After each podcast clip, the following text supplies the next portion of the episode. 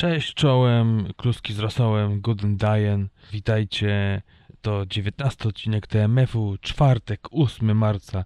Witajcie w naszym pełnym odcinku, w którym dość wyjątkowo pominiemy premiery, gdyż za nami właśnie najważniejsze wyścigi, czyli wyścigi Oscarowe i o tym dzisiaj będzie najwięcej w odcinku, dlatego też pominiemy premiery, żeby też was nie zanudzać i żeby ten e, odcinek nie rozciągnął się w nieskończoność. Tak jest, a daniem głównym będzie zdobywca Złotej Palmy w Cannes oraz wielu najważniejszych nagród na European Film Awards, tegoroczny szwedzki film nominowany do Oscara w kategorii film nieanglojęzyczny, czyli The Square Rubena Östlunda, w którym to jedną z głównych ról gra Elizabeth Moss, czyli aktorka znana z takich seriali jak Opowieść Podręcznej i Mad Men. No a oprócz tego chcielibyśmy złożyć wszystkim paniom, bo to dzisiaj jest Międzynarodowy Dzień Kobiet, wszystkiego najlepszego. E, tak, ja też się oczywiście dołączam do tego wszystkiego najlepszego, drogie panie i zapraszamy na bicik i do odcinka.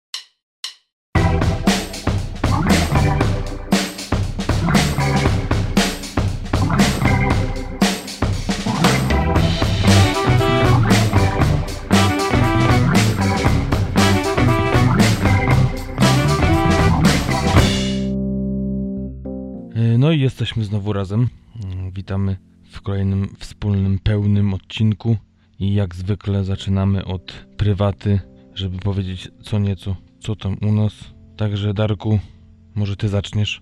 No spokojnie, ostatnio, bez żadnej zadymy powiem ci, ale trochę ruszyło się coś e, a propos aktorstwa. Zazwyczaj za dużo o tym nie wspominam, bo nie o tym podcast. Natomiast w końcu coś e, każdy aktor w Stanach Zjednoczonych cieszy się, jak może zarabiać na życie przynajmniej raz na jakiś czas, y, nie podając y, kawy. Jest taka anegdota, że jak jest się aktorem, to nieważne gdzie pracujesz, zawsze pod ręką masz swoje CV. Aha. Ale no, trafił się thriller, hmm. thriller opowiadający o tym, jak to do domu kobiety przychodzi pewnego razu jakaś służba rządowa, mm, bo podobno miała dziecko, podobno miało się urodzić i, i nie wiadomo gdzie jest.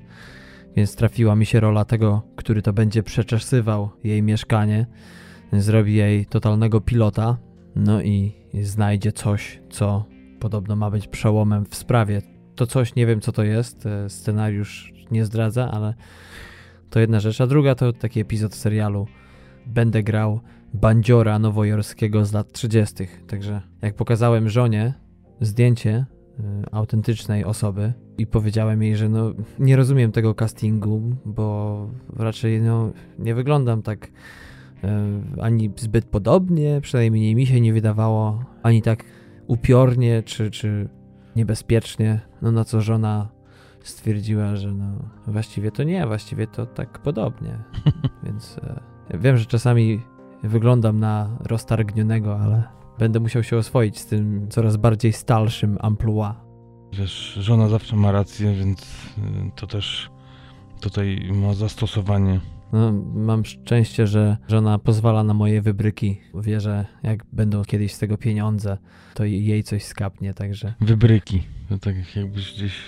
Oj, nawet nie masz pojęcia, co muszę robić niekiedy podczas nagrań do przesłuchań. Raz pamiętam taką scenę do filmu, w Los Angeles, gdzie grałem gościa, zapaśnika, który po siłowni, po prysznicu wszedł do szatni i miał robić różne podskoki i ta scena polegała na tym slapsticku, że ręcznik mi e, mało nie spadł e, za każdym razem jak podskakiwałem, więc musiałem co chwilę go jakoś przytrzymywać, zawiązywać. Mhm.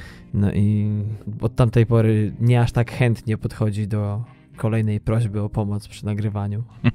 No tak, to, to jestem sobie w stanie wyobrazić, no, że może być ciężko. Tak jak ostatnio Gary Oldman mówił o tym, że żona wytrzymała tyle lat z wariatem, aktorem i mm, zresztą, który aktor gdzieś tam, mm, przynajmniej na jakimś etapie swojej kariery, jeżeli oczywiście ma żonę, nie dziękuję jej właśnie za to, za, za to bycie wytrzymałą i mm. gdzieś tam cierpliwą. E, no tak, tym bardziej, że jej się opłaciło, prawda? Żonie Oldmana.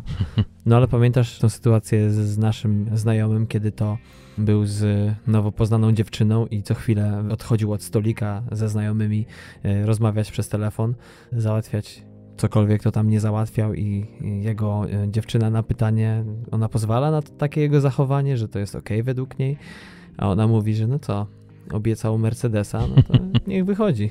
No tak. Póki co skończyło się z tego co kojarzę na Insigni, no ale to też nieźle. No. albo na palcu, albo na szyi, albo na czterech kołach. A u ciebie co? Y, Doszedłeś już do siebie po Oscarach? Tak w ogóle wiesz, weekend, y, cały weekend był troszeczkę szalony, to może nie, ale na pewno męczący, bo y, akurat minioną sobotę wypadły moje urodziny. No, była właśnie ceremonia Oscarowa, więc to wszystko się tak, Świetnie połączyło. tak przedłużyłem sobie weekend y, w sensie zmęczeniowo na, mm, na długie, długie godziny, jeszcze do poniedziałku, późnego wieczora, czy też nawet nocy. Gardło powoli dochodzi po tych ekscesach w Gdańsku e, do siebie, także, także Już o tym nie będziemy wspominali, ale jak ktoś jest ciekaw, to ostatni półodcinek. tak, tak, tak, tam, tam na pewno to słychać i, i słychać, widać i czuć, tak jest. Będziesz wnukom opowiadał, jak to dziadek otwarcie o kacu na antenie. To tak, ale no, tak jak ja czuję się coraz lepiej, tak pogoda tutaj rozgorzała na, na dobre, w sensie zima. Znowu spadło gdzieś 20-30 cm śniegu. Temperatury znowu poniżej zera, mm, więc no zima wróciła do Husawika i na Islandię na dobre. Chociaż jeszcze kilka dni temu śmiali się, że w Gdańsku były temperatury w okolicach minus 15, 17 nawet, a tutaj było plus 8, że tak naprawdę przyjechałem do ciepłych krajów Mhm. na wakacje. y, Paradoksalnie, ale już jest teraz y, odwrótka i i wiem, że, że z kolei w Gdańsku, czy w ogóle w Polsce ma być w przyszłym tygodniu w okolicach 15-18 stopni na plusie, a tutaj, Mm. a tutaj nie widać końca tej zamieci, zawieji i, i tego typu różnych y, historii. No widzisz?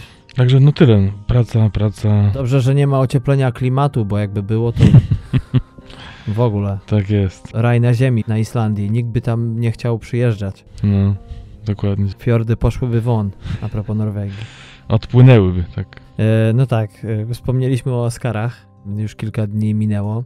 Ciekawe, ilu z Was e, stać było na taki luksus, żeby sobie zarwać północy i obejrzeć e, bogatych Amerykanów e, wręczających sobie pozłacane statuetki. No my z Patrykiem mieliśmy oprócz transmisji w telewizji, transmisję live SMS-ami, żeby wspierać jakoś swoje e, radości, czy też e, nagłe wybuchy szału wewnętrznego. Czy też smutku i gniewu, bo chyba tego było najwięcej. Tak jest. Także myślę, że możemy się zatrzymać tutaj i pozwolić sobie na jakiś mały wylew emocji, czy też odczuć związanych z całą ceremonią. Może przypomnijmy, że po raz drugi z rzędu Jimmy Kimmel prowadził ceremonię, co się nie zdarzyło bodajże od czasów Bielego Krystala. No i były, tak jak już kilkukrotnie na naszej antenie wspominaliśmy, nie lada wyzwania przed e, całym biznesem Hollywood, bo przecież mieliśmy tą kampanię i mamy nadal Me Too, związaną z oskarżeniami o molestowanie i tak dalej przez różne gwiazdy, różnych gwiazdorów. Patryku, jakie wrażenia po no, monologu otwarcia, który jest tym takim najważniejszym pierwszym krokiem w trakcie imprezy, no i ogólnie, jeśli chodzi o prowadzenie Jimmy'ego? Nie no, generalnie bardzo pozytywnie. E, Nie wiem jak to wygląda z jakąś tam reelekcją na kolejny rok, ale myślę, że, że spełnił pokładane nadzieje. E, Tak samo jak i w, na początku, w tym monologu otwarcia, tak i później w ogóle w, w czasie prowadzenia e, Oscarów. Tak jak jeden z krytyków zauważył, i to też mi się rzuciło w oczy, że nie była to może najbardziej udana w ostatnich latach ceremonia, ale to właśnie nie ze względu na prowadzącego, a bardziej no właśnie gwiazdy, które niby jest ten ruch, niby kilka postaci jak Frances McDormand czy też e, Alison Jenny zaadresowały to i gdzieś tam otarły się o ten temat.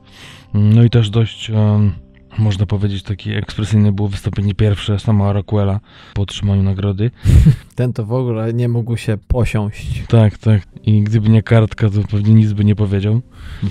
E, Ale poza tym to tak troszeczkę nudnawo i no dobrze akurat, że, że wiesz, że tego Weinsteina i tych tematów nie było za dużo, bo to też e, bałem się, że będzie to przesączone, przemoczone tak naprawdę tym tematem. To znaczy, troszeczkę już czasu chyba tak mi się zdawało minęło, prawda, od tego jakby wybuchu i teraz y, jakby y, te Oscary w tym roku poszły w ten kierunek, że będzie coś pozytywnego, że to jest teraz ten motyw, żeby nie gnębić, e, bo to nic nie da, tylko raczej właśnie pokazać, tak jak powiedział Jimmy Kimmel, te rzesze kobiet i mężczyzn, które właśnie dają przykład tym, kim są i co robią. No tak, i to właśnie opierało się, właśnie taka, można powiedzieć, kampania optymistyczna, że teraz już będzie tylko lepiej i gorzej e, być nie może. Wiadomo, że tak jak może kojarzysz ten tekst z, z tego monologu otwarcia, że po tych całych um, aferach związanych z molestowaniem tutaj w kulisach Hollywood e, kobiety e, mogą być spokojne, teraz już będą tylko molestowane w każdym innym miejscu oprócz właśnie Hollywood. Czy może, może nie tyle molestowane, co wystawione na, na, na takie zachowanie. Mi się bardzo podobały dwa żarty Kimmela. Niekoniecznie chcąc zmienić temat, ale w zasadzie nie chcemy dzisiaj za dużo poświęcać tematu Oscarom, bo mamy przecież film Nomen Omen właśnie, y, jak już wspomnieliśmy na początku, nominowany w tym roku do Oscara. Ale y, a propos żartów Jimmy'ego Kimmela, to bardzo mi się podobało to, jak y, zwracał się do najstarszego uczestnika tych Oscarów i chyba jedną z najstarszych osób prawie, które były tam na Oscarach. Chodzi tutaj oczywiście o Christopha Plamera. Po pierwsze, Jimmy Kimmel podobno odkopał oryginalny żart z pierwszej ceremonii wręczenia Oscarów z 1929 roku, kiedy to wspomniano o najmłodszym nominowanym aktorze do Oscara, Christopherze Plamerze, a na początku adresując różne tematy, Jimmy Kimmel powiedział, że oczywiście jest z nami także Christopher Plummer, od wielu lat przykład wszelkich cnót. No i wiadomo, że nie jest to miejsce na takie gadki, ale muszę cię zapytać, patrząc na e, Lina Manuela Miranda, czyli twórcę słynnego muzykalu broadwayowskiego Hamilton, jak porównasz go do tego oryginalnego? No, um. no tak, nie no, sympatyczny koleś. Gdzieś tam czasami mi się wydaje, że mocno jednak stępiony w stosunku do tego, co prezentuje w swoich programach cyklicznych. No ale taka jest natura, jakby Oscarowa to nie są globy z szablozębnym Rickiem, mhm. który gdzieś tam kąsał te gwiazdy, tylko to są Oscary, bardziej wyłagodzone nagrody i gdzieś tutaj trzeba też ten balans odnaleźć i myślę, że mu się to udaje. Także trzymam, tak jak w zeszłym roku mówiłem, że trzymam kciuki, żeby w przyszłym roku prowadził, tak teraz dokładam jeszcze kciuki u nóg, czy ja tam nie mam kciuków. W każdym razie gdzieś zacisnę coś jeszcze, żeby, żeby udało mu się też prowadzić Oscary 2019 tak kończąc może temat y, Jimmy'ego Kimmela jednym wątkiem, nie wiem y, czy o tym udało ci się czytać, ale to nie było coś, co wypłynęło na światło dzienne jakby dla szerszej publiczności, ale a propos Jimmy'ego Kimmela to kilka różnych portali dziennikarzy protestowało przeciwko temu, żeby właśnie Jimmy Kimmel prowadził Oscary, a to dlatego, że po pierwsze ze względu na przecieki jego przemówienia i w ogóle całej ceremonii, gdzie no, ci ludzie się czuli bardzo zirytowani tym, że będzie tak mało a propos właśnie tak ważnych zagadnień w Hollywood, jak właśnie molestowania i nierówność, jeśli chodzi o płace, ale do tego doczepiono się do takiego sketchu, który kiedyś dla telewizji nagrywał, takiego show w zasadzie, które nagrywał właśnie Jimmy Kimmel z Adamem Karolą, amerykańskim komikiem i radiowcem, w którym właśnie śmiali się z męskości, ale było tam właśnie sporo przaśnych żartów, bo obaj grali właśnie takich typowych mężczyzn, którzy są lepsi od kobiet we wszystkim i no, sporo było takich bardzo no, obraźliwych piosenek i numerów. I, I, to zaburzyło trochę na początku właśnie tą atmosferę. Wiesz co, ja nie wiem naprawdę. Wy tam nie macie co robić chyba w tych Stanach. Takich rzeczy się przyczepiać. Bardzo ciekawą ostatnio słyszałem dyskusję a propos historii w filmie. Z takiej ciekawej perspektywy. Mhm. Mm, a propos tego, jak przedstawia się właśnie stosunki na przykład do kobiet, czy mężczyzn, czy do właśnie równouprawnienia, czy właśnie a propos takich prześnych żartów, y, jak to było kiedyś I dobry przykład podano w serialu Mad Men, że tam jest to pokazane właśnie jak ten szowinistyczny naród czy społeczeństwo mm, przez przyzwalanie na takiego typu zachowania po prostu było naturalnym zachowaniem. I też mówiono o rasizmie, że też rasizm kiedyś nie wyznaczał wcale tego, że ktoś jest zły czy dobry, tylko po prostu to było coś na porządku dziennym. Tak wiadomo, że tego się nie pochwalało, ale jednak y, no, społeczeństwo gdzieś te, te progi moralności i, i zachowania i słownictwa było zupełnie inne, y, więc y, no myślę, że to nie było aż tak w tym sketchu Kimera z Karolem, ale myślę, że to też były czasy troszeczkę zamierzchłe i jakby też stosunek był inny i do tego się inaczej podchodziło. Jak ja przeczytałem o tym tak tylko mówię jako ciekawostkę, ale mhm.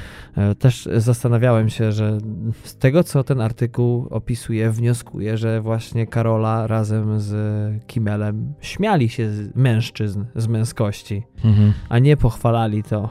No, czasami niektórzy krytycy może lubią się zapamiętać w czymś i, trochę potem y, szwankuje jakby taki trzeźwy odbiór, ale y, tu ciekawe wspominasz serial Mad Men, popatrz jaką drogę przeszliśmy, tak? Od serialu, który stał się absolutnym hitem, a tak naprawdę jego nieodzownym elementem jest właśnie no, bardzo negatywne zjawisko, jakim jest szowinizm, ale dopiero musiało kilka lat minąć, żeby dziś spojrzeć na ten serial to tak z o wiele innego punktu widzenia, przynajmniej na to, co jest pokazane. Już zamiast tego zachwytu, nie wiem, ja jak tak sobie myślę o tym, to mnie przeraża trochę sposób e, ignorowania kobiet w społeczeństwie w tamtych latach. Jeszcze bardziej. No tak, ale wiesz, to jest, to jest historia tego. No tak, tak. Nie zmienimy, a przecież nie można tego porównywać gdzieś do jakiegoś tam, wiesz, niewolnictwa, które zniesiono.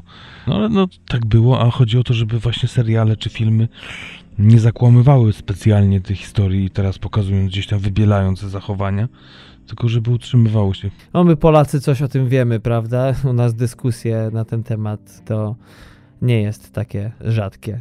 No właśnie. Na całym świecie w dzisiejszych czasach to się staje na porządku dziennym właśnie, e, no, to takie strzały, można powiedzieć, jeżeli nie w kolano, to bardzo blisko. No i, i tak przejdźmy chyba do tych... Um... Optymistycznym akcentem, proszę Państwa. Tak, tak. Aha, zapomniałem powiedzieć, dzisiaj będzie apolitycznie. A. E, a propos Oscarów. No tak, e, powiedz mi, e, może zaczniemy od smutnych rzeczy. Co cię rozczarowało, co cię sfrapowało, co ci zmarszczyło brew hmm. bujną? A znowu pijesz do tego, że mam jedną zrośniętą, tak, zamiast dwie. Oj, to już dawno nie piłem, tak? Można powiedzieć, że na tym polu to jestem abstynent. A, a, tak, jąkał się całe życie. tak jest. Y, wiesz co? No co, no... No powiedz. Wiadomo. No, no powiedz. Pisaliśmy ze sobą. No, tak naprawdę to, y, szczerze mówiąc, nie wiem, czy nie było... Y, znaczy, no teraz, teraz już wiem, bo gdzieś tam po kilku dniach to już wiem, że mm, ogłoszono zwycięzcę poprawnie, bez żadnych błędów. Zresztą to też warto wspomnieć, że znowu Fane Dunaway i i Warren Beatty. To też myślę, że ciekawe i takie fajne, że chcieli trochę zagrać takim żartem z tej sytuacji z zeszłego roku i pozwolili im się zrehabilitować mhm. w jakiś sposób, chociaż wiadomo, że nie do końca to było e, ich zawiniona sytuacja. Tak, tak, nawet Jimmy Kimmel zażartował, że mm, a oto w 51. rocznicę Bonnie i Clyde. Bo w zeszłym roku właśnie o to chodziło, że była 50. rocznica, tak, dlatego tak, tak, tak. Y, zaprosili. Także ogłoszono zwycięzcę w kategorii najlepszy film. Jak tylko usłyszałem Shape, to po prostu wyłączyłem laptopa. Shape of Water, czyli kształt wody. I poszedłem spać, tak. Więc gdzieś tam do rana się modliłem, że a no już może się znowu pomylili. Jednak będą trzy billboardy za Ebbing, Missouri. Chociaż no cokolwiek, naprawdę dla mnie chyba to był najgorszy wybór z całej tak naprawdę stawki. No właśnie, to może zapytam Cię w ten sposób. Film y, otrzymał nagrodę, tak samo otrzymał nagrodę za reżyserię Guillermo del Toro. No i oczywiście on był murowanym faworytem do tego tytułu, bo i wygrał poprzednie, wcześniejsze y, wielkie nagrody. Y, natomiast y, za ten film, natomiast y, póki co trzy billboardy za Ebbing, Missouri zdawały się murowanym faworytem i nagle taki krach. I tak już na chłodno, jak sobie tłumaczysz ten wybór? Przynajmniej zgadzasz się z reżyserią i dlaczego, jeżeli reżyser wygrał zasłużenie, to dlaczego film? Dlaczego film nie powinien był? To znaczy, no, najprostsza sprawa, były lepsze. Jakkolwiek by nie mieć, czy mieć jakieś ale co do tego filmu, czy on się podobał, czy nie, to po prostu moim zdaniem obiektywnie były lepsze filmy i wiele tych filmów było chociażby jednym tchem wymieniam trzy billboardy za Ebbing, Missouri, Dunkierkę czy, czy Lady Bird. A jaki jest twój ulubiony, powiedz? Moim faworytem był, było trzy billboardy za Ebbing, Missouri, tak samo tutaj, jak i troszeczkę rozczarowało mnie, ale i, i jestem troszeczkę gdzieś tam zadowolony, że um, też ten mój film ulubiony z zeszłego roku nie wygrał w kategorii scenariusz oryginalny, a wygrało Get Out, czyli Uciekaj. Mhm. To nie był mój wybór, ale fajnie, że, że, że Pil dostał i, i cieszę się z... To jest w ogóle trzeci bodajże e, w historii człowiek, który był nominowany w tym samym roku za film, reżyserię i scenariusz. Trzeci, który był e, nominowany w swoim debiucie. Tak, tak, tak. E, I żeby było ciekawie, to jednym z tych dwóch poprzednich to był też Warren Beatty. I to nie był błąd. No moim faworytem, powiem ci szczerze, że też... No właśnie, ty coś powiedz.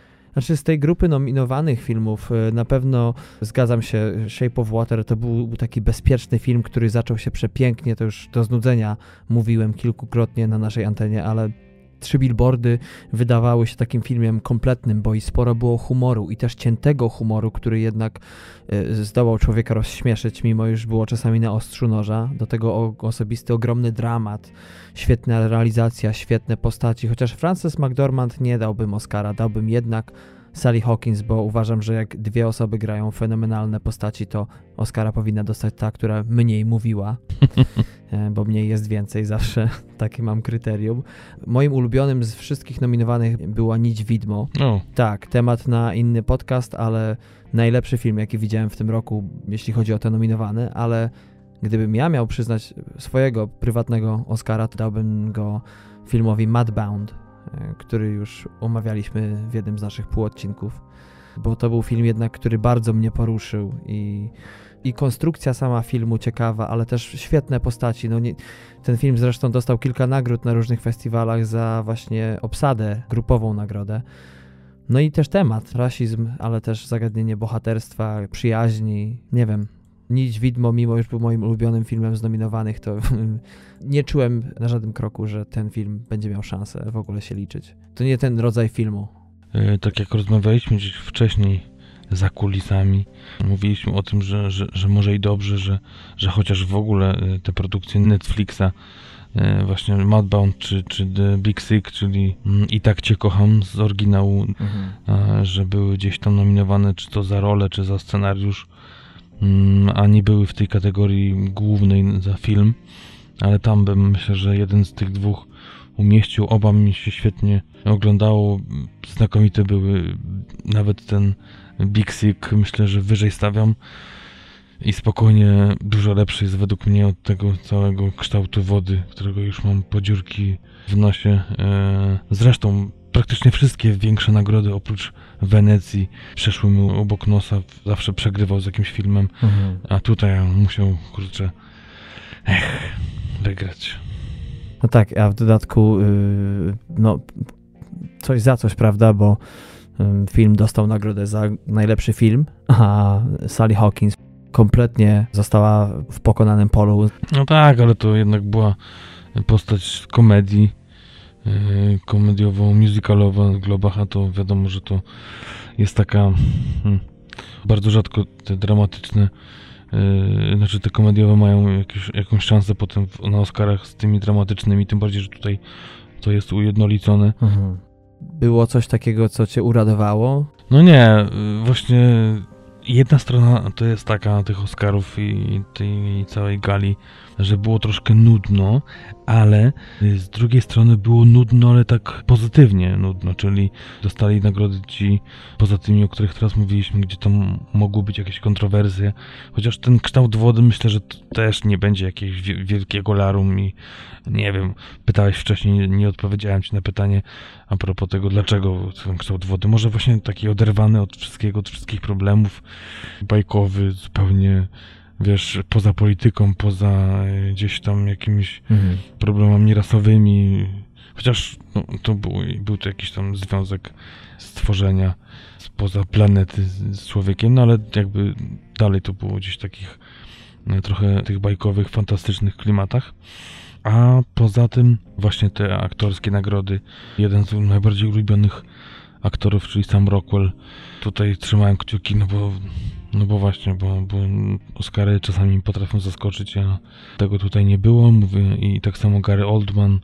To samo było z animacją, też całym szacunkiem do Loving Vincent, gdzie animacja była przepiękna, to gdzieś ta historia no, zupełnie mnie nie, nie porwała i myślę, że zupełnie zasłużenie wygrało Coco. Zakręciło się trochę wokół Loving Vincent, y, bo myśmy już o tym filmie mówili, że mm, jest to pierwszy tego typu film w historii pełnometrażowy, wielu artystów i tak dalej. Polka jako właśnie współtwórczyni, absolwentka SP w Warszawie o ile dobrze pamiętam, y, ale od początku było mnóstwo zarzutów a propos właśnie Midway historii, takiej troszeczkę zbyt wyświechtanej która w sobie za wiele nie miała, ale jeśli mowa już o Koko, to nie mogłem się zgodzić do końca z wyborem, jeśli chodzi o piosenkę. Raz, że piosenka taka no nie najbardziej porywająca na tle konkurencji. Dwa, fałszowali jedną z piosenek podczas występu na żywo, gdzie nie można było tego no, przez pierwsze kilka minut słuchać, ale potem już e, weszli kolejni artyści i jakoś to się podreperowało. No właśnie trochę żałowałem, że, że tego gdzieś nie ograli jakimś żartem, czy gdzieś tam na końcu się nie uśmiechnął e, aktor, który właśnie śpiewał. No ale dobra, no powiedzmy, że tak e, mogło być i też jakieś niedociągnięcia muszą być. Tak jak mówiliśmy w zeszłym roku, to są w końcu ludzie. E, po tej pomyłce i też w tym roku też wyszło to, że to są ludzie. Mm. Nawet za tyle milionów dolarów. tak. I nadal człowiek, patrz. Tak, tak. Nadal może się zdarzyć zaspać do pracy. tak jak mówisz. No i wiadomo, Roger Dickens za Blade Runnera 2049. Mhm. Długo, długo wyczekiwana nagroda. 14 nominacja i dopiero teraz nagroda. Mhm. Kilku było takich artystów, a propos właśnie, czy to animacji, czy właśnie filmów live action, którzy już byli po raz kolejny nominowani. Nie pamiętam bodajże ktoś, e, jeśli chodzi o scenografię, bodajże wygrał już któregoś z kolei na piątą nominację, także tak zdałem sobie sprawę, e, w ogóle wszyscy ci nominowani właśnie w takiej kategorii typu e, efekty specjalne, przede wszystkim efekty specjalne, że w zasadzie w Hollywood to jest tylko pięć zespołów twórców takich, którzy po prostu co roku jakiś tam Oscarowy film zaopatrywali w różne efekty. No bo to robi wrażenie, prawda? Oczywiście, oczywiście. Ale cieszą mnie właśnie te nagrody techniczne te za, za zdjęcia czy za efekty wizualne dla Blade Runnera. No Dunkierka, prawda, też. No Dunkierka te takie dźwiękowo-montażowe. Mhm. Mm, I tutaj moim zdaniem mm, troszeczkę mogła się podzielić z, z Baby Driverem, e, a jednak wszystko zgarnęła dla siebie. No ale no nic, to tak to bywa. Mm. Tak jak mi się nie podobał Baby Driver, tak muszę akurat tutaj przybić ci piątkę i powiedzieć, że rzeczywiście to, co zrobili realizatorzy tego filmu z dźwiękiem, no to nie widziałem wcześniej takiego filmu i od pierwszej do ostatniej minuty wszystko to grało. No. No i co? Y, zaskoczenie, może nie teraz zaskoczenie, co, co takie e, śmieszny akcent, troszeczkę humorystyczny, ale, ale i taki gdzieś tam pokazujący, że, bo ja wiem, że ten przemysł też się, też się otwiera na innych i, mhm. albo może, może inaczej, że inni gwiazdy z innych dyscyplin też tutaj otrzymują Oscary, to Oscar oczywiście dla Kobiego Bryanta za, za krótką, krótki metraż, za Dear Basketball. Pamiętasz, jak się śmialiśmy, czy ja mówiłem, że ciekawe, jak on tam się przyłożył, może coś tam po prostu Baz grał na, na marginesie i zostało to przez przypadek włączone do filmu. No tutaj wiadomo, że oczywiście film to już na naszej, nawet na naszym Facebooku umieściliśmy kiedyś trailer świetnie zrealizowany z narracją Kobiego Bryanta, który również figuruje jako twórca, ale co to znaczy twórca?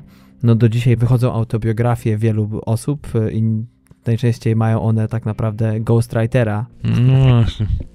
Wiesz, to było też tak, że gdzieś wyczytałem, że to było, może nie wiem, czy jeden do jednego, ale to, co w 2015 roku gdzieś do fanów napisał Kobe Bryant i to było gdzieś przełożone właśnie do, do tego filmu, e, więc jest jakby autorem scenariusza.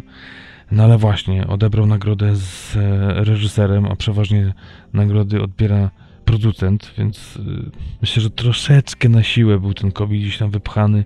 Widziałem, że tam w tym gronie mm, wytwórni, które się zajmowały właśnie produkcją tego filmu, było jakieś Kobe, INC, coś, coś tego typu, może to właśnie brzmi jak jego firma jakaś, więc no ale figuruje jakby mm. jak, jak, jako narrator i autor scenariusza.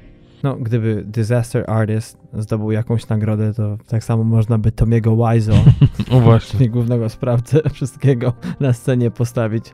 No, na Złotych Globach był i nawet chciał się dorwać do mikrofonu. Ja się bardzo cieszę, jeśli chodzi o nagrody za kostiumy dla Nici Widmo. Mhm.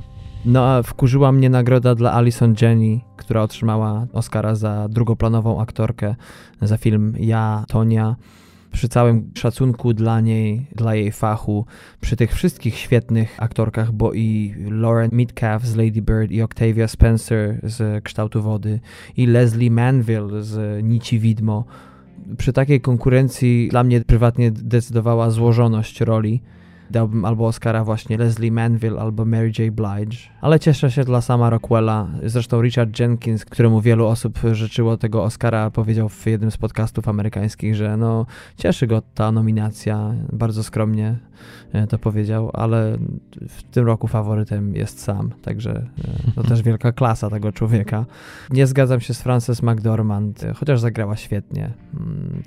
Natomiast jeśli chodzi o aktora pierwszoplanowego, to Oglądając tak te skróty najsmaczniejszych właśnie kawałków odegrywanych przez e, pięciu nominowanych aktorów w swoich filmach, powiem Ci, że nadal Gary Oldman dla mnie był faworytem, ale tak popatrzyłem sobie na Daniela Kaluje i na jego te momenty w filmie Get Out i tak w ogóle myślałem sobie o jego całym jego występie, to muszę powiedzieć, że tak zaczęło mi coś korcić, że no nie wiem, czy on może nie dostać tego.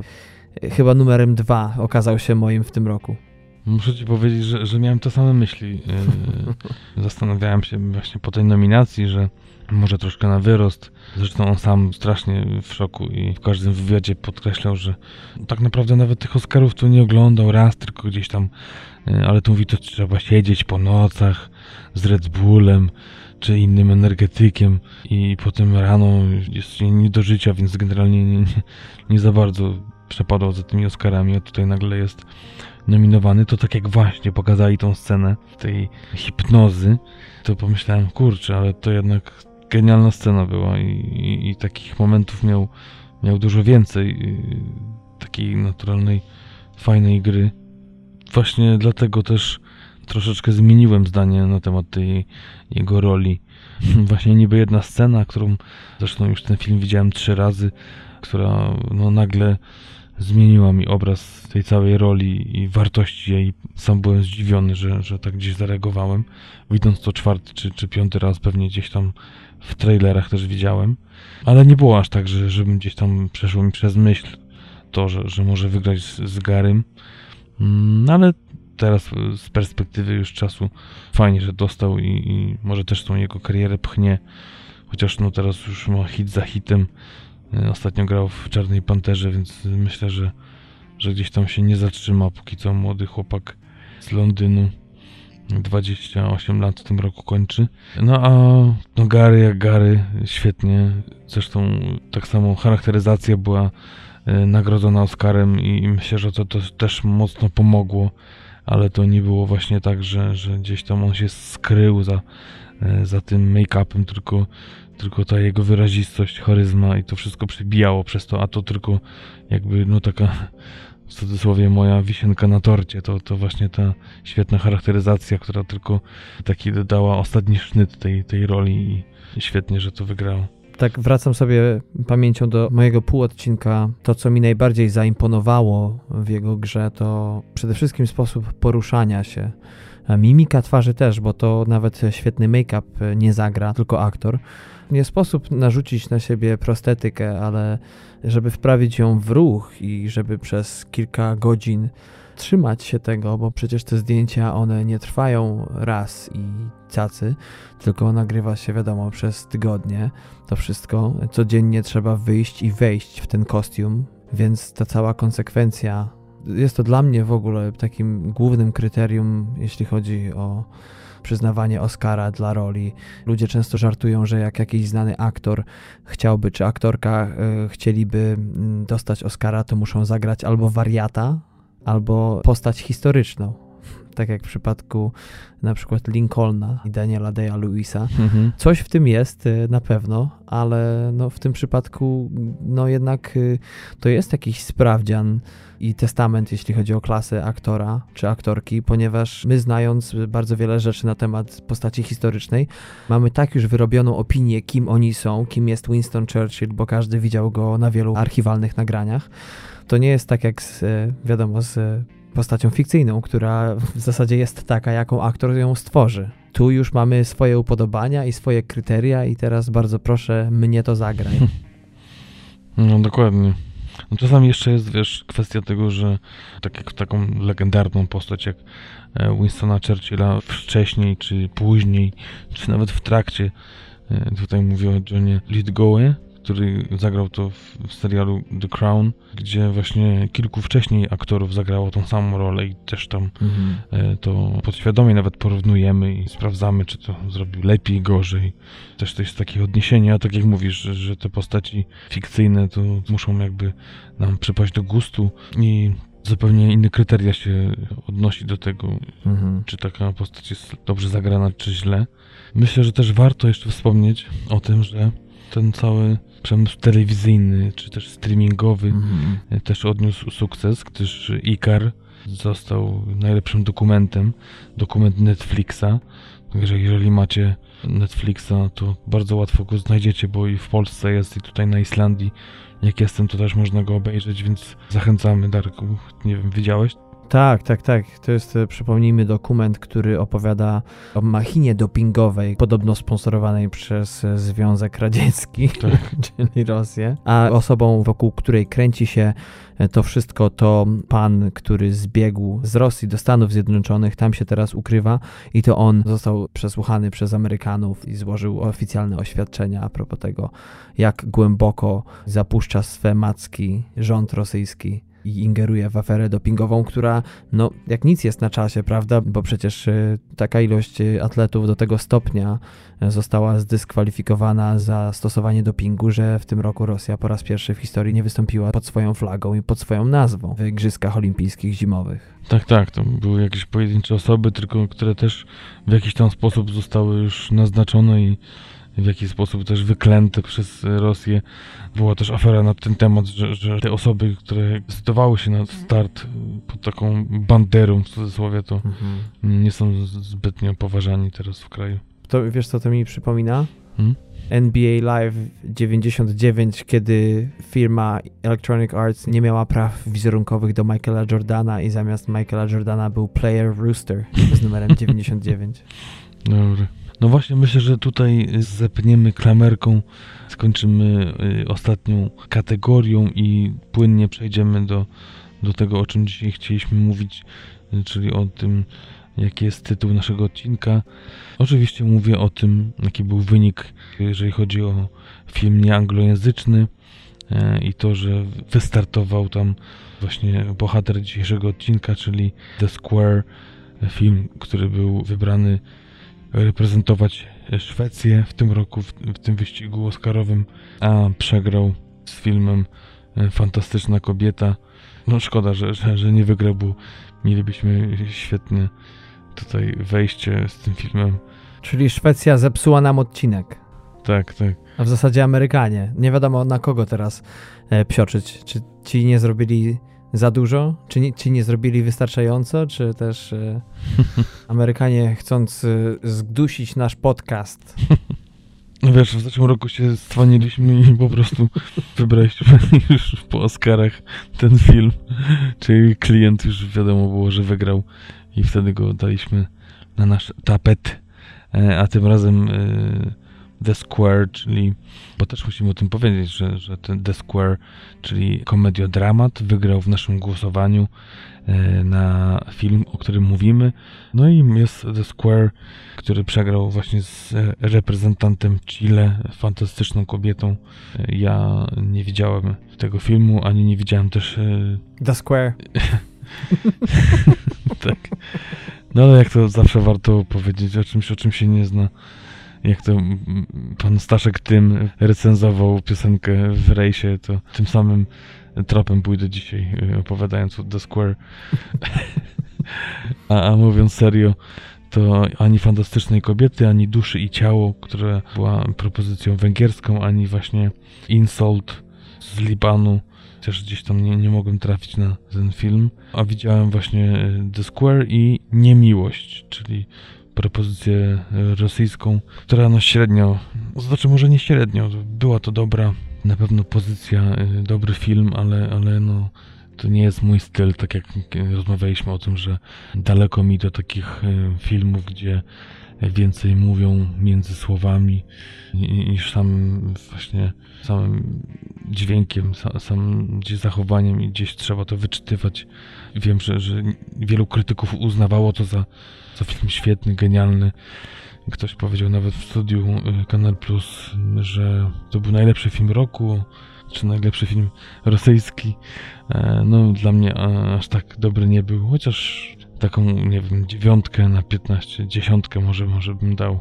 No słuchaj, to a propos tych filmów y, nieanglojęzycznych, to pracuję z pewnym gentlemanem po 50, który jest wielkim fanem filmów i jest jakby moim głównym interlokutorem, jeśli chodzi o różne takie zagadnienia z nim związane.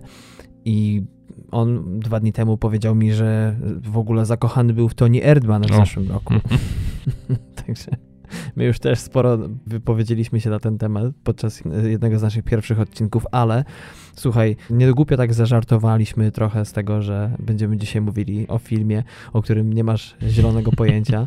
To też się dość mocno wiąże z e, dzisiejszym filmem, czyli The Square i z jakby komentarzem płynącym z, z niego, ale zanim do tego przejdziemy, to jeszcze musimy rozwiązać pewną rzecz. Otóż y, jakiś czas temu już ogłosiliśmy konkurs, który polegał na zagłosowaniu y, w poście z odcinkiem za albo komediodramatem, tak jak Patryk wspomniał, albo za dramatem kryminalnym. No i mamy tutaj dwójkę zwycięzców. Są to Iga Glamkowska i Mateusz Daniluk. Także bardzo nam miło. Skontaktujemy się z wami.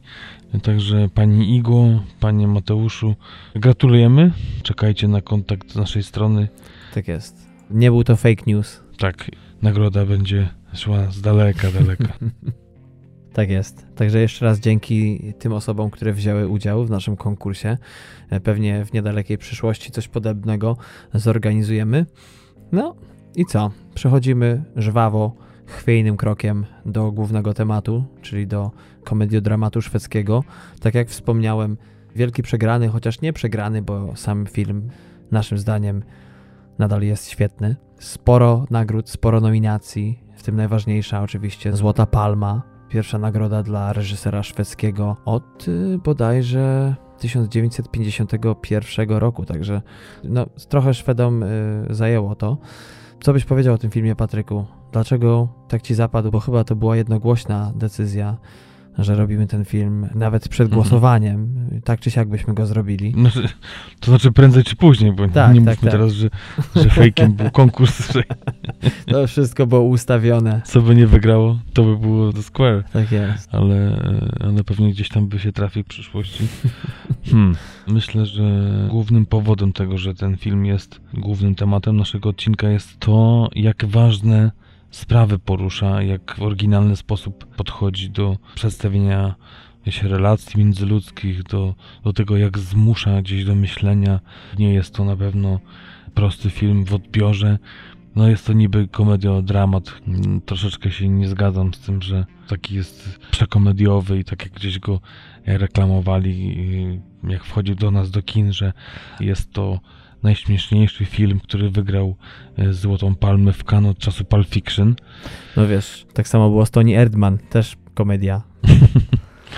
No tak, tak. y, No ale to już tam gusta myślę, że bardziej wchodził w grę niż to, czy to była komedia, bo były gdzieś tam takie elementy na pewno. No ale właśnie przede wszystkim to, do jakich dyskusji zmusza, jak otwiera gdzieś nas na tematy, które tak naprawdę są codzienne, a o których się nie mówi. Jakby to jest specyfika pracy samego reżysera, czyli Rubena Ustlunda, mm, urodzonego w mieście Styrso w Szwecji 13 kwietnia 1974 roku e, reżysera, ale nie tylko reżysera, bo i scenarzysty, montażysty, producenta, ale i autora zdjęć. Bardzo utalentowanego, docenianego, bo też nie tylko ten The Square, ale i w 2014 roku zrobił film Turysta, który również gdzieś tam ocierał się o nagrody, między innymi był nominowany wraz z naszą idą do Złotych Globów. Już w Oscarach był pominięty, ale do Złotych Globów Do Bafty jeszcze. tak. Także to nie jest, nie jest taki no name, który się nagle pojawił, tylko reżyser już dość znany. To są powody, dla których ja uważam, że, że powinien się znaleźć w naszym odcinku. A ty, Darku, co uważasz na ten temat? Oddaję ci głos. Będę oryginalny. Zupełnie odwrotnie. Ten film y, jest on z kategorii tych, y, w których te minusy tak naprawdę dla mnie są najczęściej plusami, bo temu filmowi przede wszystkim zarzucało się to, no może niewiele, ale jeżeli już był zarzut, to taki, że były to pojedyncze sceny w tym filmie, które może niekoniecznie linearnie podążają za akcją. Natomiast dla mnie to akurat było największym plusem tego filmu. To raz. To związane właśnie z e, Ostlundem. Mm, Turysta to raz, ale jeszcze w 2011 roku wyreżyserował taki dramat akcji jak Gra. No i opowiadał o, o dzieciach, no i ich zachowaniu. I w ogóle ten gatunek dla mnie najczęściej jest najbardziej smakowitym, takim intelektualnym kinem, ale właśnie nie przeintelektualizowanym, czyli zachowanie właśnie ludzkie, jak my na pewne rzeczy reagujemy.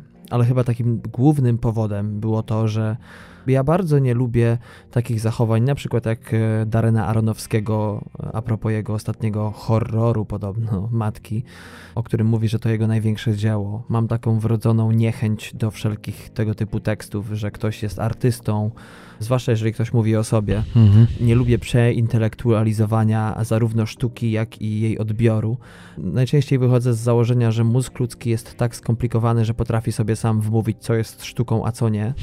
I to bardzo często odgranicza nas, e, nie tylko jako ludzi, ale też oddziela od siebie, bo tworzymy sobie wtedy sztukę wysoką, wyrafinowaną, której nic nie zarzucam, broń Boże, bo e, ja się kocham w muzyce klasycznej i w art house często, ale y, sam temat tego filmu, czyli rozmowa na temat sztuki, elitarności sztuki bardzo często i tego, jak my postrzegamy ją, no to nawet nawiązuje do mojego ostatniego półodcinka a propos właśnie odbioru na przykład serialu Philip K. Dick's Electric Dreams, kiedy już się oglądało wiele sezonów Black Mirror. Tak samo z y, The Crown, który jest serialem nudnym niby, ale patrząc pod innym kątem, zmusza to człowieka do myślenia, więc y, no taki mój konik trafił się tym razem.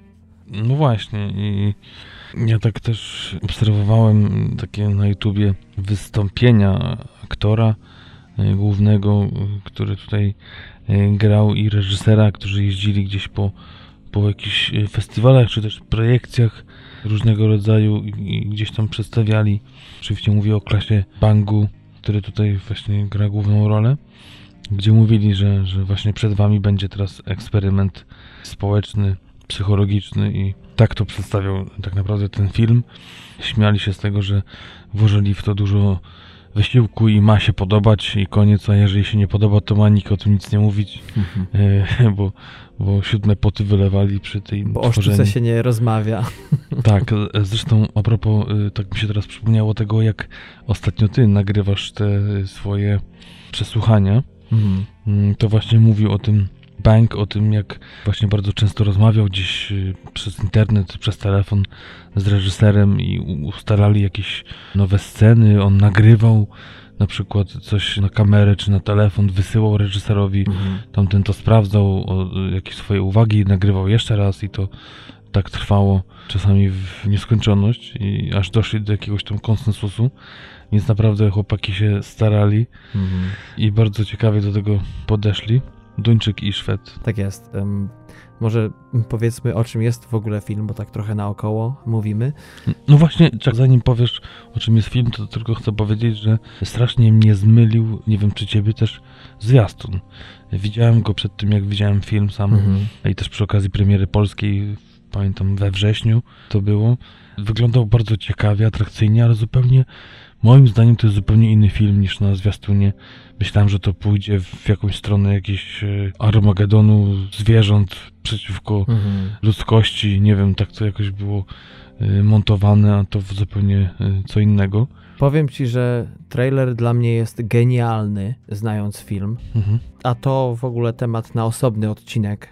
Raczej tutaj szykuje się dłuższy wywód, ale powiem ci, że tak, jest y, zupełną zmyłką. Zresztą potem to ma sens oglądając film, bo The Square opowiada o instalacji artystycznej, która ma być zamontowana w Muzeum Sztuki Nowoczesnej w Szwecji, w Sztokholmie. No i jest to po prostu kwadrat podświetlony. W filmie często pojawia się cytat, który jakby jest y, opisem całego tego eksperymentu i mniej więcej mówi on o tym, że ten kwadrat to jest sanktuarium troski i zaufania. W jego ramach tego kwadratu wszyscy posiadamy te same prawa i obowiązki. Czyli tytuł nawiązuje mocno do ekspozycji, natomiast akcja raczej odnosi się do niego tylko i wyłącznie poprzez to, co widzimy. Opowiada o Krystianie, granym przez wspomnianego Klasa Banga, który jest dyrektorem wspomnianego muzeum i tak naprawdę widzimy poprzez różne sceny, widzimy jego perypetie związane i to z prowadzeniem muzeum i jego perypetie osobiste, miłosne czy też rodzinne. A oprócz tego, nie zdradzając za wiele, mamy jeszcze wiele scen, które jakby ukazują szerszy kontekst dziejący się wokół głównego bohatera. Tutaj mowa o scenach, które dotyczą e, poszczególnych różnych, czy to eksponatów, czy eventów, happeningów, które zdarzają się w muzeum i które mają silne oddziaływanie na publiczność. E, No właśnie, y, mówisz, że to są perypetie i troszeczkę może powiedzmy o nim jest to taki, no można powiedzieć, myślę, obiektywnie atrakcyjny mężczyzna o takim dość sporym o, o roku osobistym. Wiemy o tym, że się rozwiódł i lubi się wydawać w, jakieś niezobowiązujące romanse. Mamy też sceny właśnie, kiedy odwiedzają go córki. E, Potem się dowiadujemy, że, że właśnie gdzieś tam nie żyje z tą matką ich. Oprócz tego... mm, Lubi się wplątać w pewne niewygodne wydarzenia. Tak, próbuje z, jakoś z tej sytuacji wyjść. Dodatkowo ma e, właśnie taką ważną prezentację, nową instalację w swoim muzeum i gdzieś tam też się perturbacje w, w związku z tym i mm, nie jest to taka prosta sprawa. Musi też y, w pewnym momencie walczyć o swój wizerunek i to wszystko właśnie też życie prywatne przeplata się z tym rodzinnym i tymi romansami, między innymi z, z amerykańską dziennikarką. Te sceny chyba są najbardziej kuriozalne i, i, i najśmieszniejsze z całego filmu. I o tym zupełnie nie mówi trailer, że, że to będzie jakaś historia jakiegoś człowieka, tylko takie jakby coś w szerszym kontekście. Tak. A, a już nie mówiąc o tym, że, że ten y, tytułowy square, czyli ten kwadrat, tak naprawdę no jest tylko w jednych, dwóch scenach i tak naprawdę mówimy o tym, co się dzieje naokoło, a, a tej całej instalacji. I, I ten właśnie tytułowy square jest tak naprawdę gdzieś na, na boku i wszystko, co, co się dzieje, to jest takim jakby otoczeniem tego i gdzieś tam rozmową na, na ten temat, ale do samej instalacji to za bardzo nie widzimy i nie wiemy, jak tak naprawdę ona oddziałuje, czy to działa, czy to jak gdzieś tam spełnia swoją rolę. Właśnie to jest to, to jest ta gadka o sztuce, o jej odbiorze. Chociaż jej nie widzimy, to jednak ten cytat o tym, czym jest ten kwadrat, y, wybrzmiewa non-stop, czy to podczas kolejnej zapowiedzi tego eventu, czy podczas scen a propos marketingu nowej instalacji. My jako widzowie bardzo często obserwując zachowania prawie że prywatne, czy też właśnie zachowania ludzi, którzy decydują, wskazują ludziom, co jest sztuką godną uwagi. To się zdarza często właśnie z samą ideą eksponatu. Tutaj wspomnieliśmy właśnie o klasie Bangu Elizabeth Moss, która gra amerykańską dziennikarkę. Class Bank otrzymał za tę rolę w tym filmie mm, nagrodę podczas europejskich nagród filmowych w Sewilli. Również był nominowany do Złotego Żuka Wcześniej można go było widzieć, jeżeli ktoś oglądał w serialu The Bridge, który wychodzi od 2011 roku, czy w dramacie szwedzkim Unga Sophie Bell, Amandy Adolfson sprzed dwóch lat, a teraz widać, że po tym sukcesie w tym filmie Class Bang zaczyna pukać e, jak wielu przed nim i pewnie wielu po nim skandynawskich aktorów mm, do drzwi Hollywoodu bo aktualnie jest w trakcie zdjęć do amerykańskiego kryminału The Girl in the Spider's Web, czyli dziewczyna w pajęczej sieci, według naszego tłumaczenia, niezobowiązującego, z Claire Foy, o której była mowa a propos właśnie tytułowej roli w serialu The Crown. Może nie tytułowej, ale w roli królowej, noszącej tę koronę cierniową. E, no i jest ten film kontynuacją przygód e, Lisbeth Salander. Pamiętacie? Stiga Larsona, nieżyjącego pisarza, który miał w planach aż 10 książek napisać. Wyszły tylko 3, więc teraz y, tworzą się kolejne scenariusze i właśnie tego częścią jest ten film. No i Elizabeth Moss, prawda? Dobrze widzieć ją w końcu w filmie, a nie tylko w serialu. Chociaż co jakiś czas gra, prawda, w mniej popularnych filmach. No właśnie to też y, ciekawy wywiad, krótki taki słyszałem z tym, że e, troszeczkę mówi pozazdrościła Kirsten Scott Thomas, która doświadcza właśnie pracy gdzieś na całym świecie i też w różnych językach e, i, i właśnie to, że, że, że tak właśnie eksploruje ten świat filmu, czy to w Europie, czy gdzieś y, na innych kontynentach poza Ameryką. I, i właśnie tutaj też powiedziała, że ma nadzieję, że po tym filmie właśnie to Square też gdzieś jej się uda więcej podróżować i więcej pracować właśnie z takimi reżyserami, tak jak sama powiedziała, spoza tego, tego świadka brytyjskiego i amerykańskiego. No ale też mamy Dominika Westa. Warto wspomnieć, że gra takiego wielkiego artystę, yy, znany z kultowego serialu, czyli Prawo ulicy. Główna rola w latach 2002-2008, ale także film 300 i ostatnio yy, z sukcesami też powrócił do serialu The Affair. No i taką, powiedzmy, można powiedzieć, trójkę głównych bohaterów, y, czy też takich głównych postaci mamy y, w tym filmie, których obserwujemy y, i które właśnie to gdzieś tam stykają się z tym światem albo ze sobą, albo ze światem zewnętrznym, światem takim troszeczkę biedniejszym, bo, bo też y, wszyscy z nich, y, można powiedzieć, są bogaci. Krystian jeździ y, kosztującym fortunę Teslą. Nagle musi się zetknąć z tą biedotą, która gdzieś mieszka w bloku, z czego wynikają też dramaty i y, skomplikowane sytuacje. Mm. ale i właśnie świetna scena Dominika Westa, który właśnie jest tym wielkim artystą i na, na spotkaniu takim Y, z publicznością nagle pojawia się ktoś z zespołem Toreta na, na widowni i, i burzy całą atmosferę powagi i, mhm. i gdzieś tam y, no, próbują się mm, odnaleźć w tej sytuacji z takimi właśnie okrzykami.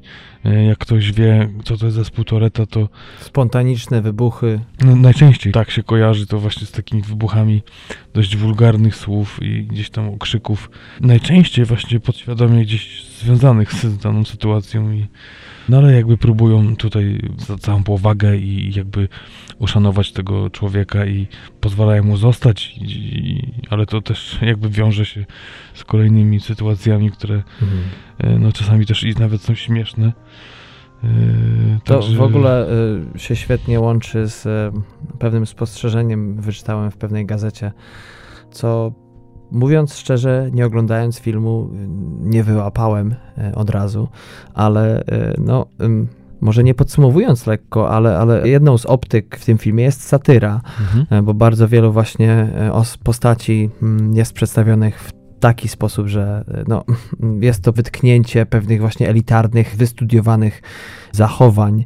No i właśnie ktoś zwrócił uwagę na fakt, iż właśnie ten e, człowiek z syndromem Tureta jest jedyną osobą, z której ten film się nie śmieje. A przynajmniej nie można zarzucić temu filmowi, że cokolwiek tam jest ze śmiechu. Że właśnie tak jak powiedziałeś, pewna powaga.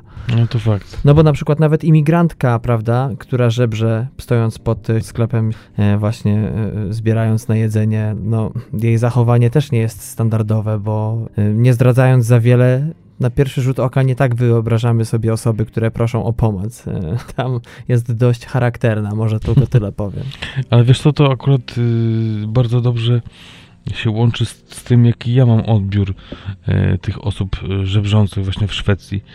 I, w zeszłym roku i, i dwa lata temu Mhm. zdarzyło mi się być właśnie w okolicach Sztokholmu, mm, ale i też w okolicach Helsingborga. I, i właśnie, właśnie tak to wygląda, że, że, że te osoby mają swoje rejony i, i, to nie są wcale takie osoby, które gdzieś tam y, bardzo ci pokłonią głowę i tak bardzo ładnie proszą o, o tą pomoc, tylko takie właśnie charakterne, takie, które mają swój rejon. Tak naprawdę to, to wygląda troszeczkę jakby to było w pracy i tak naprawdę nawet, nawet za bardzo hmm, ciężko czuć współczucie, bo, bo właśnie oni są taki ob- obcesowi, są, a czasami wchodzą za tobą do sklepu i, i gdzieś tam mówią, proszę kupić mi to, to, to i to i wiesz, no to jakby troszeczkę się burzy. Czyli tak jak Amerykanie, tak? Jak wyrzucą cię drzwiami, to wchodź oknem. Tak jest, tak jest. Także troszeczkę się burzy to z taką, y, z taką typową postacią osoby, która, która gdzieś tam błaga, czy prosi o pomoc. Nie wiem, czy to jest właśnie e, szwedzki styl, czy, czy, czy, gdzieś jeszcze tak jest, ale no, ja tylko to widziałem w Szwecji i, byłem w szoku, że takie coś jest. No różnie to się słyszy, ale to nie pierwszy raz, kiedy coś takiego jest e, ukazane w e, filmie. Zresztą dzisiejszy film ma sporo takich kontrowersyjnych tematów. Tutaj za dużo nie będziemy o tym mówili, bo nie ma co zdradzać, ale no, sceny, w których się głowią a propos tego, jak e, właśnie pobudzić społeczność szwedzką, mm, a propos tego eventu, tego The Square, e, co przekazać tak naprawdę, coś, co zszokuje, coś, co maksymalnie ściągnie e, wzrok. Także tam też jadą po bandzie. Tyle można powiedzieć. E, No ale właśnie, jednym z takich e, głównych tematów, głównych wątków myślowych, e, które ten film u mnie spowodował, to właśnie był odbiór sztuki. To jak my postrzegamy sztukę, jak ją przeżywamy i, i, i takie sobie zacząłem zadawać pytania, czy musimy być w grupie i słuchać wykładów, uczestniczyć w wernisażach. Patrząc na to z boku, oglądając film, może to czasami wyglądać jak właśnie taki spęd e, przysłowiowy, gdzie każdy jak owca podąża za jedną rzeczą i gdzie nie wiadomo dookoła, czy, czy to są jeszcze indywidualne myśli, czy odczucia, czy właśnie już taki tak zwany ten rój, który myśli jedną myślą. Wiesz, to też jest y, pierwsza scena wywiadu z y, właśnie tej amerykańskiej y, dziennikarki z Krystianem, którego głównie losy oglądamy, gdzie zadaje mu pytania a propos jakiegoś wpisu na stronie internetowej tego muzeum. Troszeczkę takie, wydaje się, zamglone to całe zdanie, przeintelektualizowane. E, o co chodzi. A Krystian odpowiada, że chodzi po prostu o to, kiedy uznać sztukę, czy jeżeli jesteś w muzeum i mówi, jeżeli weźmiemy na przykład pani torebkę i położymy nas w środku sali, to to już jest sztuka, czy, Mm. czy jeszcze nie? To w ogóle jest świetna scena jakby na dwóch poziomach, bo raz, że jej pytanie jest jakby jego własną wypowiedzią, Mhm. czy dotyczy jego własnej wypowiedzi, no i sposób w jaki on na to odpowiada, no po pierwsze budzi wielkie wątpliwości co do, czy to nie za bardzo się wczuwa w, w jakby te swoje wybryki intelektualne, swój bogaty świat wewnętrzny, ale właśnie po całym filmie, jak sobie tak wracam do tej sceny, to rzeczywiście odpowiedź jest dobra. To pierwsze stwierdzenie wcześniej było przeintelektualizowane, więc no tu już wchodzimy na taki wyższy poziom. Czy nie lepiej było po prostu powiedzieć od razu tak, jak on to powiedział dziennikarce, wyłożyć prosto? Mhm. Czy trzeba było robić ten wielki szum i zalewać y, pięknymi stwierdzeniami y, uszy ludzkie? No, no racja, to jakby y, specjalnie mm, pokazać, że, że potrafi się za- zaszokować, Mhm. zamotać i zakręcić takiego zwykłego odbiorcę, y, nawet nie tyle przeintelektualizowanym zdaniem, tylko takim troszkę chaotycznym, trochę powtarzającym się, y, jakby był kotem, y, który ma coś tam stwierdzić banalnego tak naprawdę, tak? Tak, tak, tak. W ogóle cała ta przestrzeń jest świetnie skonstruowana do właśnie takich zagrywek, gdzie wszyscy nagle jesteśmy częścią czegoś lepszego, czegoś wyższego. Oczywiście akcja dzieje się w Szwecji, gdzie jest czysto, schludnie, bardzo minimalistycznie, w muzeum, gdzie jest jeszcze czyściej, schludniej i minimalistyczniej. No i pamiętasz, jest taka scena, kiedy właśnie a propos to jeszcze wcześniejszego tego e, roju i tej myśli zbiorowej, jest taka scena, kiedy kucharz chciałby grzecznie powiedzieć wszystkim zebranym, co będzie jako aperitif e, i jako przystawka mhm. podczas e, tego spotkania. No i w pewnym momencie musi przywołać ich wszystkich do porządku, bo ci w ogóle już jakimś takim autopilotem gdzieś tam zmierzają i, i, to chyba jest jedna w ogóle z moich ulubionych scen i to czyni to komedią, przynajmniej w tamtym momencie w moim e, przekonaniu. Nie, no tak, to jest właśnie takich scen jest, jest mnóstwo i no naprawdę po prostu świetny film i no teraz tak myślę sobie o tym, że powiedziałem, że może to nie jest aż takie śmieszne, ale, ale jednak chyba, chyba to jest główne zamierzenie, tą taką głupotę i gdzieś tam pędzenie e, za stadem, tak jak to właśnie ci ludzie przy tym kucharzu, jedni za drugimi. I też ta słynna scena jest też i z plakatu, i z, e, ze zwiastuna. Mhm. Tych ludzi, którzy siedzą na, na wystawnej kolacji i nagle wpada e, człowiek, który udaje małpę. Oj. Akurat to nie jest taka scena do końca do śmiechu, ale, ale właśnie to się gdzieś łączy z takimi właśnie zachowaniami tłumu. W ogóle mocno nacisk kładzie ten film na, na takie zachowania, na e, tępienie takich przyzwyczajeń społeczności całej, bo to nie chodzi o konkretnych ludzi, tylko o to, jak, jak w ogóle działamy. No, zawsze można powiedzieć, że film jak coś ukazuje, to też może jakieś na ten temat y, zabiera zdanie, ale masz rację. Te zachowania właśnie takie zbiorowe, które jest bezmyślne, tak? Jesteśmy pełni wielkich procesów myślowych w środku, a tak naprawdę na zewnątrz y, popełniamy masę błędów, tak jak nasz główny bohater, który no, w tym filmie, no już nawet pierwsza scena, nie zdradzając jej pokazuje tak naprawdę kim jest, e, co uważam jedną z lepszych ekspozycji, które mogły się trafić temu filmowi, bo świetnie o tym opowiada. Jest przecież ojcem, o którym już wspomniałeś, e, który też popełnia masę błędów, chociaż stara się je naprawić, nie zawsze skutecznie, ale też daje szczery przykład tego, jakim, nie wiem, burdelem emocjonalnym, za przeproszeniem, może być życie, bo często właśnie rozmawia z córkami, jak z dorosłymi prawie, prawda? Mhm. Także jest jakiś tam promyk nadziei, że mimo całego tego swojego jestestwa i, tych różnych takich przeciwności gdzieś tam próbuje jednak czynić dobro. No ale mówię, to jest wszystko okraszone ogromną ilością y, rozprawiań o ważnych zagadnieniach, takich jak imigracja, równouprawnienie, wyalienowanie społeczne, a samemu się jeździ Teslą i nosi okulary droższe niż Paul Brook dookoła muzeum. No tak, i właśnie z tego jakby słynie Ustlund, y, właśnie z, z pokazywania takich postaw i też czasami bierności, bo nie wiem, czy widziałeś film Turysta. Tak, tak. Ale tam cała właśnie akcja polega na tym, że, że gdzieś tam rodzina siedzi na wyjeździe na nartach na jakimś takim tarasie, gdzieś blisko gór i nagle schodzi lawina i po całej lawinie się okazuje, że nie ma ojca. To był ojciec, matka i dwójka dzieci się okazuje, że nie ma ojca, który gdzieś tam się schował i potem cały film tak naprawdę jest o tym, jak to się stało, że on gdzieś stchórzył zamiast e, chronić rodzinę, to się gdzieś schował i cały taki żal tej, tej żony i tak naprawdę to jest głównym i chyba jednym, jedynym przewodnim motywem tego filmu, świetnie rozegranym i, i właśnie tutaj też y, wydaje się, że, że też tępi takie zachowanie, ale też tak naprawdę pokazuje, że no, tak jak na podstawie tego Krystyna, który jest bohaterem, no można powiedzieć w jakimś sensie jednak pozytywnym, ale też ma te wady i też nie jest tego pozbawiony i nie jest tutaj tak zwanym role model, którym możemy się e, wzorować, tylko no widać, że, że te ułomności jego są bardzo podobne, chociaż wydaje się, że jest wiesz, umysłem światłym, otwartym i gdzieś tam powinien takie rzeczy bardziej rozumieć i tą percepcję mieć na, na wyższym poziomie może, E, a jednak, jednak to nie jest tym wyznacznikiem i jest może nie tyle odwrotnie, co wcale się od tych ludzi nie, nie różni. A czasami, y, nie chcę tutaj spoilować, ale jest scena z, z dzieckiem, które się wydaje momentami, że go właśnie przewyższa tym, tym pojmowaniem i jakby gdzieś tam zrozumieniem świata. Świetna scena. Tak, tak, tak. No i z Christianem świetnie kontrastuje e, Anne grana przez e, właśnie Elizabeth Moss. Świetnie kontrastuje z tym skandynawskim chłodem. Do tego posiada bardzo nietypowe zwierzę domowe. E, bywa momentami temperamentna i powiem ci szczerze, że na pierwszy rzut oka jej bohaterka trochę mnie denerwowała. W sensie była bardzo ludzka, ale jednak też wydawało mi się na początku, że kompletnie nie ma kontroli nad sobą mhm. w kilku zagadnieniach i powiem szczerze, że oglądając drugi raz ten film kompletnie zmieniłem swoje zdanie na jej temat, bo uważam, że jest naprawdę szczera w swych pragnieniach i nie, nie boi się konfrontacji, nie boi się mówić e, o tym, co ją boli. Czy ma rację, czy nie, to jednak wiemy na każdym kroku, no prawie, co siedzi jej w głowie.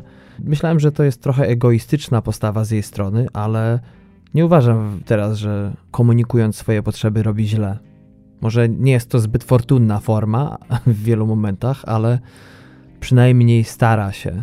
E, no tak, nie, nie wiem, czy, czy też zwróciłeś uwagę na to e, w tym e, zwiastunie, który prezentował sceny z filmu, a zarazem był taki jakby podkład narratora z tej sceny, tej wystawnej kolacji, gdzie pojawia się ten człowiek, który udaje czy gra małpę. I, I, taka scena jest, że czasami człowiek zostaje otoczony przez zwierzę i najlepiej się nie poruszać. Jest sytuacja, kiedy właśnie nasz Krystian siedzi gdzieś przy toalecie i no, można powiedzieć nie rusza tak jak mówi to narrator, a, a ten zwierz czyli właśnie ta N stoi i obserwuje go z daleka i to tak właśnie trochę mocno kontrastowało z tym, że że to chyba o to chodzi. Tak. O, wspomniałeś dwa razy już o tej scenie z małpą, to może na chwilę się przy niej zatrzymajmy. Mało osób zdawało sobie sprawę, że ta scena, która zresztą jest na plakacie do tego filmu, kiedy to ten goryl e, grany przez Terego Notarego, który znany jest z rebootu Planety Małp, e, ostatnich trzech części, e, gdzie też tam gra goryla.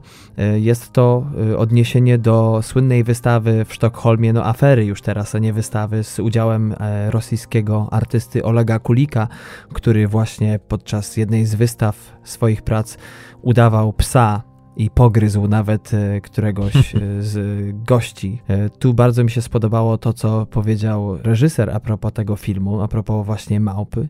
O jednej ze scen powiedział właśnie, że wszystko może się zdarzyć w filmie, w którym w pokoju umieścimy małpę. także, także to było świetne, ale coś, co naprawdę łączy się z wieloma rzeczami, o których już do tej pory powiedzieliśmy, to cytat z pewnego wywiadu, w którym to Ustlund powiedział, że Ci ludzie na początku w tej scenie siedzieli właśnie w garniturach, we frakach i jedli wyszukaną potrawę. I on jako reżyser chciał właśnie, żeby na końcu tej sceny e, to oni byli tymi nieucywilizowanymi zwierzętami. Hmm. I właśnie według niego, o czym często mówi, właśnie najbardziej nieucywilizowaną rzeczą, jeśli chodzi o nasze czasy, to jest właśnie zachowanie e, jako kolektywu w stosunku do pojedynczych ludzi, którzy zdają się nie zachowywać e, według naszych norm. On właśnie odwraca tutaj w tym przypadku monetę i mówi, że to go najbardziej martwi, to go najbardziej przeraża, że my potrafimy jako grupa, nieważne e, jakie są nasze poglądy, jak bardzo wyszukane nasze gusta, potrafimy właśnie obrócić naszą zbiorową siłę przeciwko komukolwiek. Hmm. I tak samo czynią niskie warstwy społeczne, tak samo potrafią też czynić wysokie. I obie te grupy w swojej to skali wyrządzają wiele złego społeczeństwu, jako ogółowi. Ciężko się z tym nie zgodzić, y, tym bardziej właśnie, że te sceny są właśnie dobitne a propos tego zachowania tych ludzi w takich y, ekstremalnych e, sytuacjach, a jeszcze tylko wrócę do Terego, no Terego, o którym mówiłeś, który y, raz, że grał w, w Wyspie Czaszki, zagrał King Konga, to jeszcze też y, koordynował występy aktorów na planie ewolucji planety małp i generalnie jest takim guru, jeśli chodzi o y, małpy w, w całym Hollywood. I jakby tutaj w tej scenie, która jest tylko małym gdzieś tam wyrywkiem całej historii, mocno i dosadnie y, Ostlund pokazuje takie zachowania zbiorowe pokazując to, że, że gdzieś tam u rdzenia, u korzeni jesteśmy wszyscy tacy sami i jakby pieniądze czy też status społeczny wcale nas nie zmieniają. Taką najważniejszą rzeczą, którą sobie wyniosłem z tego filmu, to było to, że jednak to jest bardzo ludzka rzecz, hipokryzja. Ona pojawia się bardzo szybko w momencie, kiedy to, co wychodzi z naszych ust, nie współgra z naszymi czynami, czyli stara e, jak świat prawda. Tym bardziej w tym filmie jest to skontrastowane właśnie doskonale, czyli sztuka wysoka i przekaz z niej płynący, a to, co tak naprawdę e, ludzie wokół siebie dokonują. Przecież The Square mówi o tym, że to jest nasze sanktuarium, gdzie mamy te same prawa i obowiązki, czyli jesteśmy sobie równi, ale w filmie bardzo wiele scen jest takich, kiedy na przykład ktoś jest na ulicy, prosi o pomoc, a ludzie wokół nich, łącznie z pracownikami muzeum, przechodzą wobec tego obojętnie, nawet nie, kompletnie nie zdając sobie sprawy, co się dzieje. Pamiętam, y, zaraz po obejrzeniu tego filmu jechałem na przesłuchanie i stoję sobie w pociągu, patrzę na ludzi i y, w pewnym momencie podchodzi taka pani, która y, ogłasza zawsze publicznie, żebrze o pieniądze, zawsze ma ten sam tekst. I muszę się przyznać, nie miałem nic przy sobie i głupio mi się strasznie zrobiło. Naprawdę nie czułem się z tym dobrze, ale dwa, popatrzyłem sobie na zachowanie nas wszystkich i generalnie nawet ja sam słuchałem dalej podcastu i nagle wszyscy jakby zamarliśmy. Na proteście byśmy się bili za brata i siostrę, natomiast tutaj nie byliśmy razem wszyscy. A drugą taką rzeczą, bo zapomnę o niej, to jest to, że patrząc w ogóle na tłumy, a ja z tłumami mam problem, zresztą znasz mnie, mhm. ja lubię chodzić swoimi ścieżkami, tak zastanawiałem się właśnie patrząc na tych ludzi w muzeum, którzy przytakują tak samo, wyznają te same poglądy artystyczne nawet. Zacząłem myśleć o kibicach, o kibicowaniu w ogóle mhm. i takie zagadnienie mi weszło do głowy, szalik czy nie szalik. Ja jestem dozgonnym kibicem e, na przykład sportu żużlowego, ale w życiu nie miałem żadnego trykotu związanego z moim ulubionym klubem. Hmm. I jakby w ogóle takiej potrzeby nie czuję bratania się.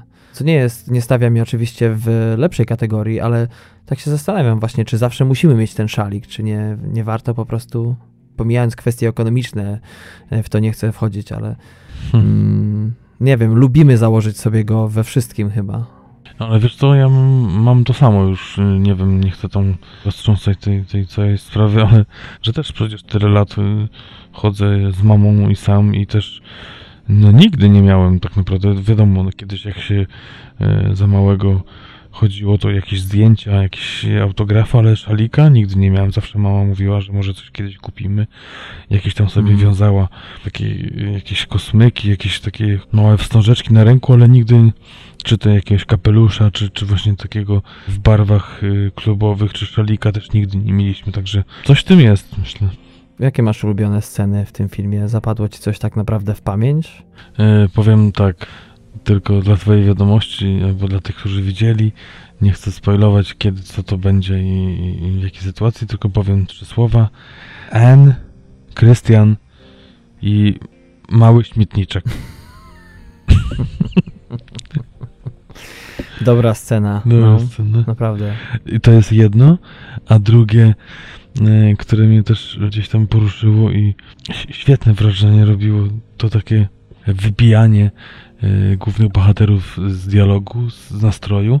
To jest to, jak właśnie Anne rozmawia z Krystianem e, w muzeum i stojąc na tle instalacji z krzeseł, które się za chwilę poruszają, burzą ten klimat, bo słychać te poruszanie i gdzieś tam mm. N próbuje sklecić jakieś ważne dla niej zdania i, i co chwilę musi się wracać y, do tego y, nastroju, bo te krzesła się ruszające z tyłu wcale nie pomagają w tym, żeby, żeby to wyglądało i brzmiało poważnie. Tak, tak, tak. Także te chyba najlepsze sceny właśnie między tą, tą dwójką, to gdzieś tam zapadły mi w pamięć i, i są moimi ulubionymi. A twoje? Dwie mam sceny też. E, pierwsza, powiem tylko tyle. Pan sprzątający podłogę i konsekwencje tego i sposób, w jaki została sprawa rozwiązana. No to taka sekwencja mała, która uważam, że jest mistrzowska i jak nic wpasuje się w komentarz twórcy tego filmu a propos wszystkiego, o czym już powiedzieliśmy, ale drugą sceną jest ta, o której już sporo powiedzieliśmy, czyli scena z małpą Uważam, że lepszej sceny w filmie już dawno nie widziałem. Ciężko oczywiście porównywać to do wielu scen, bo i spłakałem się przecież przez ostatnie kilka lat na wielu scenach i też y, pośmiałem jak głupi, ale może tak bym to określił. Najbardziej stresująca scena, jaką pamiętam od wielu, wielu lat. Była tak świetnie rozegrana, odegrana przez głównego bohatera, y, właśnie Terego. Mhm. I jak nic y, podsumowała nas, ludzi. No to fakt. No i jeszcze trzeba wspomnieć o muzyce, która też e, świetnie wpasowuje się moim zdaniem w klimat tego filmu. Bardzo minimalistyczna, akustyczna.